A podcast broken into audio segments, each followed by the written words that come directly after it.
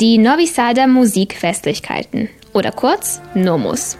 Das Festival der klassischen Musik ist eine der wichtigsten Kulturveranstaltungen der Stadt Novi Sad. Jährlich versammelt das Festival Künstler der klassischen Musik aus aller Welt. Dabei wird immer ein Thema ausgesucht, das die verschiedenen Auftritte vereint. Das diesjährige Programm war Mozart gewidmet, da 2021 genau 230 Jahre seit dem Tod des großen Komponisten markiert. Das 41. Nomus Festival versammelte vom 21. bis zum 27. Oktober in der Synagoge der Stadt Novi Sad Spitzenmusiker. Das Festival ist gleichzeitig eine Plattform für verschiedene internationale Kollaborationen. So gehörte zu den diesjährigen Spektakel ein gemeinsamer Auftritt der Wiener Kammersymphonie mit zwei jungen Solisten aus Novi Sad. Der Saxophonist Marco Jomba, der seine Musikausbildung in Novi Sad angefangen hat und diese dann in Wien weitergeführt hat, war einer der Solisten, der mit dem Ensemble aus Wien aufgetreten ist.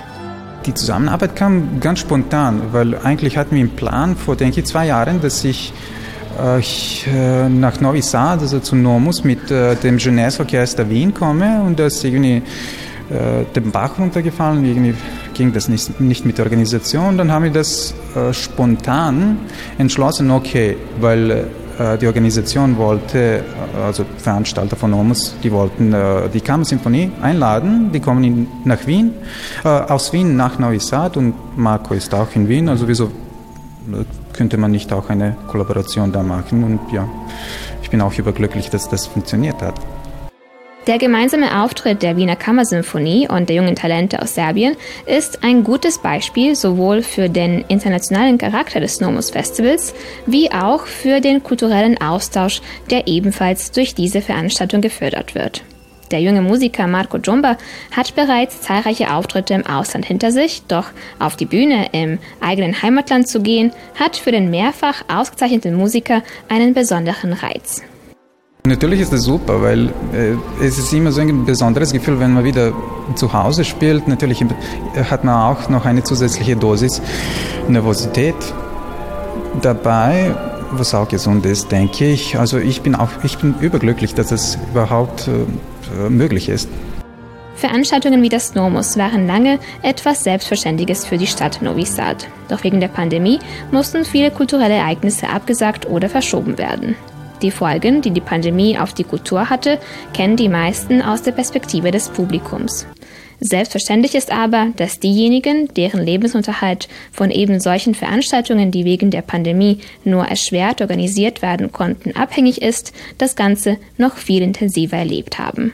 Das war sehr hart. Also für mich wie für andere Leute. Also diese fast zwei Jahre waren gar nicht so leicht, weil von äh, 0 auf 100 ging gar, nicht, gar nichts mehr. Also man hat quasi den Job verloren und man konnte nichts dagegen tun. Also man ist natürlich sehr glücklich und dass man auch privilegiert ist, dass man wieder ein bisschen mehr auftreten kann. Aber jetzt, weil man daraus was gelernt hat, ist man ein bisschen vorsichtiger, dass man weiß, okay, sowas könnte jederzeit wieder passieren.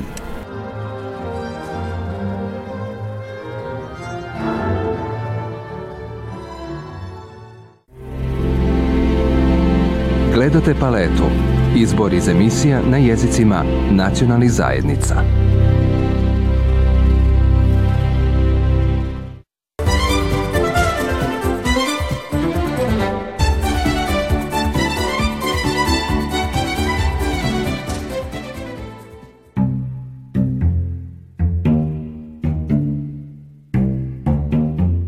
Frau Hübsch, wir haben über Ihren Dokumentarfilm Spiel des Schicksals schon mehrere Male im Rahmen unserer Sendungen berichtet. Die Premiere wurde aber teilweise auch wegen der Pandemie mehrmals verschoben und abgesagt. Aber heute am 22. Oktober ist es soweit. Die Premiere findet statt. Was für ein Gefühl ist es nun, so ein, sagen wir mal, Projekt beenden zu können, den Film der breiteren Öffentlichkeit, dem Publikum präsentieren zu können? Und was bedeutet für Sie der Film bzw. diese Premiere? Ja, ich bin sehr aufgeregt, muss ich sagen, und auch sehr froh, dass endlich das Film vorgeführt wird. Und ich hoffe sehr, dass es zu einem guten, äh, dass die äh, Zuschauer das genießen werden. und, äh, und dass sie das auch so mit solcher Liebe erfangen werden, wie ich das auch gemacht habe. So, ich kann, ich, ich erwarte so ganz, ganz so aufgeregt auf die Premiere. In der Kulturstationsvillerei in Novi Sad erwartete auch ein großes Publikum hochgespannt den Dokumentarfilm. Inspiriert von Gesprächen mit mehreren Donauschwaben, die trotz der turbulenten Umstände nach dem Zweiten Weltkrieg die Vojvodina nicht verlassen hatten und dies später bereuten, entschloss sich Frau Hübsch, die andere Seite der Münze zu zeigen. Was passierte eigentlich mit denjenigen, die dazu gezwungen waren, aus ihrer Heimat zu flüchten und sich im deutschen Sprachraum niederzulassen? Der Titel des Filmes stellt zugleich dessen kurze Zusammenfassung dar. Er ist nämlich im wahrsten Sinne des Wortes ein Spiel des Schicksals. Er zeigt, eingebettet in die donauschwäbische Vergangenheit der Kriegs- und Nachkriegszeit, auf welche Weise die Lebensgeschichten von Eva und den zwei Hauptprotagonistinnen Ria und Elisabeth in Novi Sad zusammenlaufen und wie diese trotz der räumlichen und zeitlichen Distanz ihre wahre Heimat nie vergassen.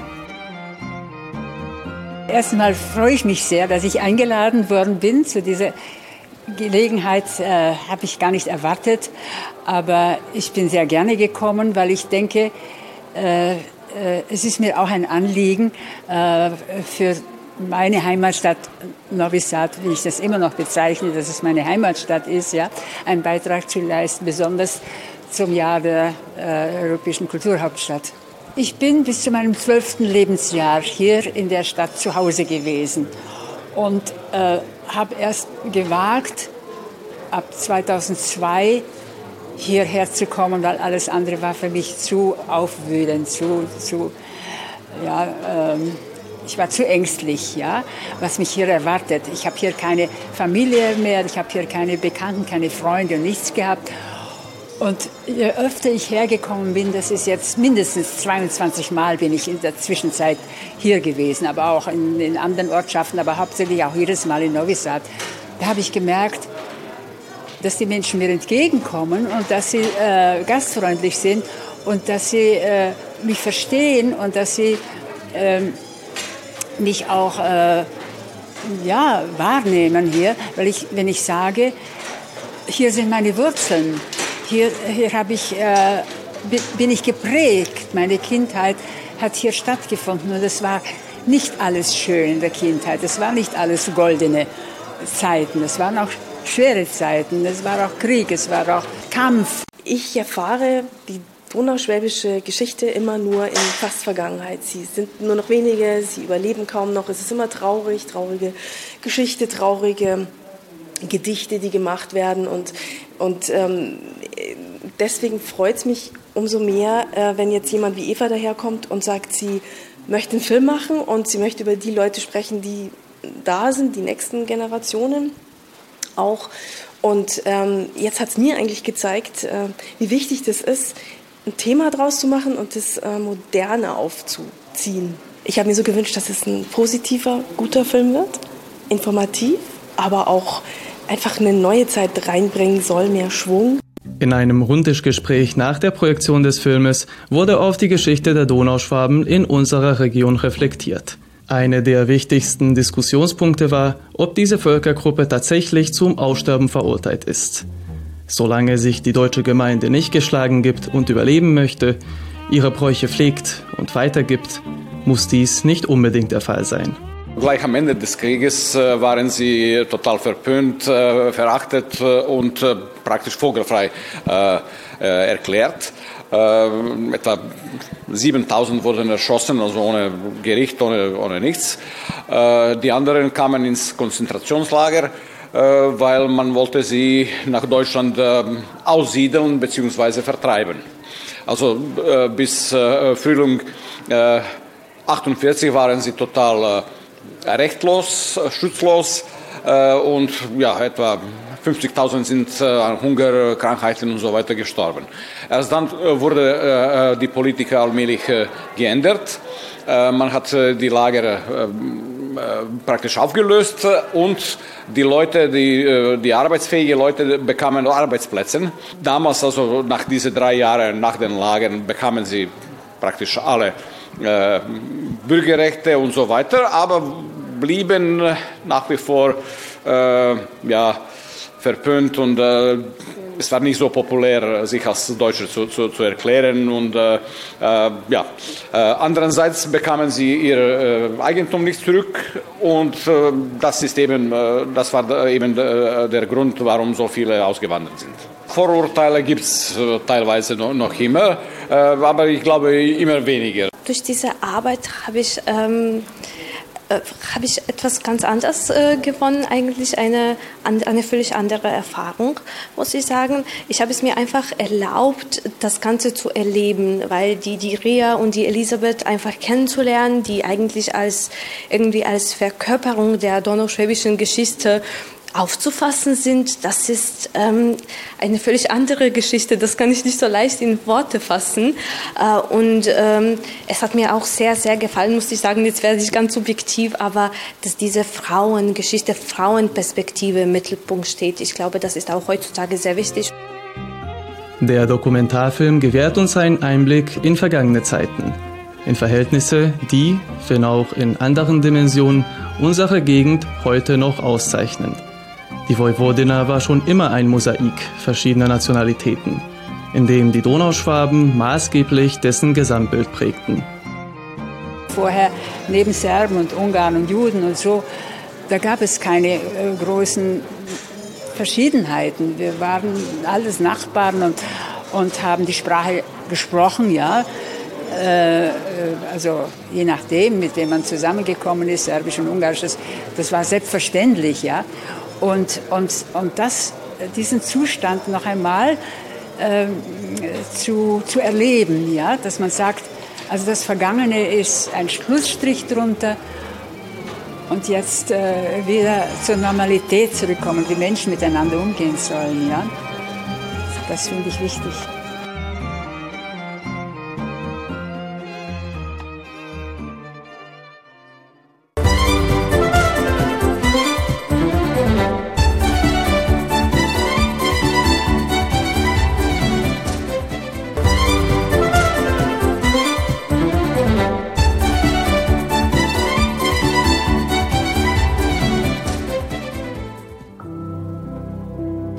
Ilin ist eine junge Regisseurin und Kamerafrau aus Deutschland, aus Berlin. Äh, du bist jetzt hier in der Vojvodina, um eine Researching zu machen. Worum handelt es sich? Ähm, ich drehe gerade für einen Essayfilm, der sich ähm, quasi mit meiner Identität beschäftigt und meiner Herkunft. Und ähm, ich möchte herausfinden, wie, wie sich die Vojvodina ähm, für, für mich mh, mm, oder wie sie für mich immer noch prägend ist. Naja, deine Eltern stammen aus der Vojvodina. Ja, das ist richtig. Mein Vater ist aus Subotica und meine Mutter ist aus Novi Sad und sie gehören der ungarischen Minderheit an. Ja, und die Großmutter, die noch immer hier lebt in Novi Sad, sie ist halb Donauschwabe oder Banaterschwabe? Genau, also ihre Mutter wiederum hat deutsche Wurzeln aus teilweise aus dem ehemaligen Schlesien und aus Elsass-Lothringen. Also es ist oh. sehr kompliziert. Ja. Also du suchst nach deiner Vojvodina-Identität. Wie läuft es eigentlich? Du drehst und du schaust dich um. Ja, genau. Also ich weiß nicht, es ist ein sehr offenes Projekt. Und ich habe schon vor einigen Jahren damit angefangen, mich damit zu beschäftigen, wie, wie ich einen Film überhaupt darüber machen könnte, was mit mir und der Vojvodina zu tun hat.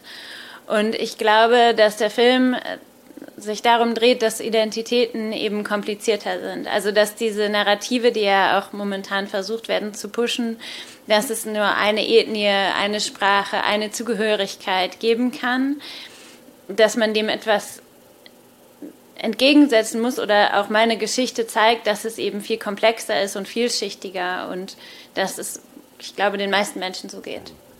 Fast jeder weiß, dass dein Großvater ein berühmter Dermatologe war und auch Dichter, dein Vater ein berühmter Tennisspieler, nicht wahr? Und äh, wie wirkt es, äh, wie wirken diese Tatsachen auf dich, jetzt wo du deinen Film drehst? Hm, ja, das frage ich mich ehrlich gesagt auch, weil ich es schon interessant finde, dass sozusagen gerade mein Großvater eben hier eine öffentliche Figur war. Also in Deutschland kennt ihn natürlich niemand. Ähm, und auch, also ich beschäftige mich jetzt eigentlich das erste Mal ähm, intensiver mit seinen Gedichten, die ja auch viel um Herkunft und, um Identität und auch speziell um die Vojvodina, ähm, also das zum Thema haben dass sie, also ich stehe natürlich nicht auf und denke so, oh ja, mein Großvater war jetzt eine berühmte Person. Also ich kenne ihn ja als Großvater. Mit welchem Gefühl wirst du nach Hause fahren? Ich glaube mit einem Gefühl, dass, dass ich die Gegend hier ein bisschen besser kennengelernt habe. Vielen Dank und viel Erfolg und noch viel Vergnügen hier in der Vojvodina. Dankeschön.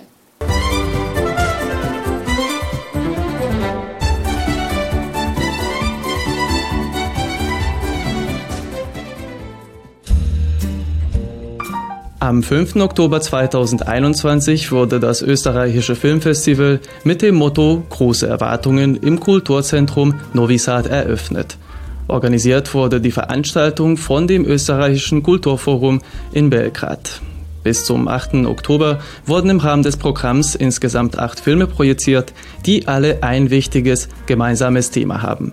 Frauen. Und zwar Frauen vor und hinter der Kamera sowie generell im österreichischen Film. Im Mittelpunkt stehen dabei in erster Linie die Erwartungen, die an Frauen gestellt werden.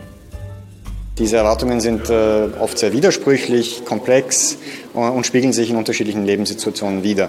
Deshalb haben wir auch äh, ganz unterschiedliche Filme in unterschiedlichen Genres. Ähm, und wir haben, wir haben probiert für alle, für, für junge und alte, ältere Menschen, für äh, Leute, die Horrorfilme mögen, Leute, die äh, vielleicht auch Liebesfilme mögen, äh, Science Fiction haben wir auch mehr oder weniger drinnen. Also wir haben probiert, ähm, etwas für alle dabei zu haben. Wir eröffnen mit dem Film Der Boden unter den Füßen da geht es um, äh, um Erwartungen, um, um die Arbeitswelt, aber auch um, um die mentale Gesundheit, äh, was, was ein sehr wichtiges Thema ist. Ähm, dann, dann, haben wir einen, einen Horrorfilm äh, aus den USA, aber von, von einer Österreicherin ähm, hinter der Kamera äh, produziert, äh, über, über die Familie und, und, und die Fragen in der Familie. Dann haben wir ich will nicht alle Filme durchgehen, wir haben insgesamt acht Filme, aber vielleicht Little Joe ist auch noch äh, ein Film äh, in Cannes prämiert von Jessica Hausner, der, der eher in, in die Dystopie äh, und, und, und die Science Fiction äh, geht, mit der Frage, kann man Glück erzwingen äh, mit technischen Mitteln? Und dann haben wir vielleicht noch, noch zum Abschluss des Festivals zu erwähnen, einen Film wie Gypsy Queen, wo es um eine, wo es um eine Boxerin geht, eine Frau von einer Roma, einem Roma-Hintergrund, die irgendwie eine neue Karriere startet. Frauen sind äh, allgemein ein Schwerpunkt des österreichischen Kulturforums. Ähm, auch nächstes Jahr in der Kulturhauptstadt werden wir äh, in diesem Monat Mai, Juni, wo, es hauptsächlich um Frauen gehen wird, äh, sehr viel Programm haben. zwei Ausstellungen insbesondere. Und, und warum ist das wichtig? Ich glaube, es ist nicht so sehr, dass, man, dass man die Frauen als, als einen besonderen Teil der Gesellschaft darstellen muss, sondern Frauenfragen sind eigentlich universelle Fragen. Und ähm, es ist einfach ein, ein neuer Blickwinkel, äh, ein etwas anderer Blickwinkel auf die Gesellschaft. Aber eigentlich äh, auch unsere Filme, das sind jetzt nicht äh, Filme nur für Frauen oder so, sondern das sind Filme eigentlich, die, die einen Blick auf, auf existenzielle und essentielle Fragen äh, ermöglichen. Das österreichische Filmfestival ist eine der ersten Veranstaltungen des Kulturforums, die das Kulturhauptstadtjahr 2022 in Novi Sad einleiten. Mit verschiedenen Ausstellungen, Konzerten, Opernaufführungen, Veranstaltungen über den Donauraum und noch vielem mehr wird das österreichische Kulturforum für jeden etwas dabei haben. Gledate paletu. Izbor iz emisija na jezicima nacionalnih zajednica.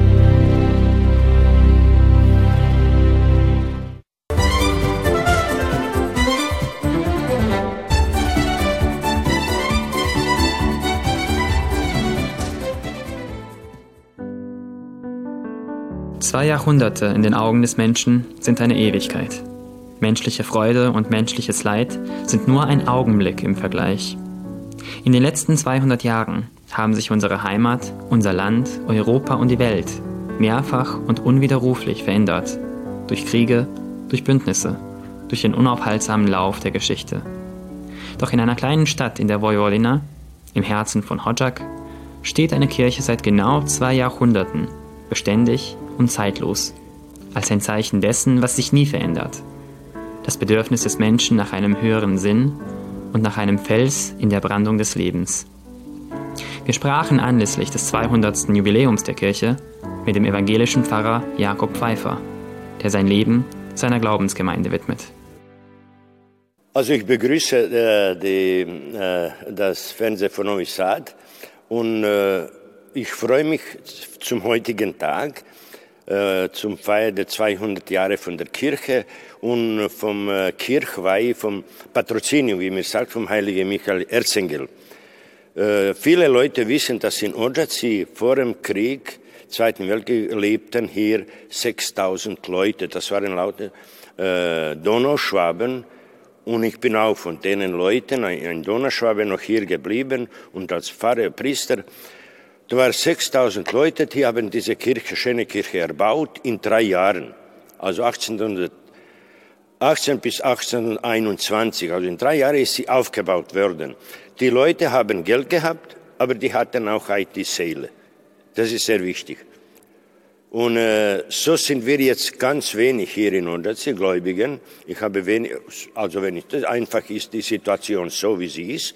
Man nimmt es an, aber ich freue mich, ich bin hier schon 44 Jahre und ich versuche alles machen wie zur Ehre Gottes und dann zu, de, zu dem, dass die Leute immer im Glauben bleiben, denn ohne Gott kann man nicht leben. Man kann leben, aber das ist dann nicht ein echtes Leben, das muss ich sagen, einfach. Denn es gibt auch eine, ein äh, ungarisches Lied, ungarisches Lied, das sagt, der keinen Gott hat, den kann man nicht rechnen für einen Menschen. Ich danke euch für alles und wünsche euch Gottes Segen und alles Gute. Dankeschön.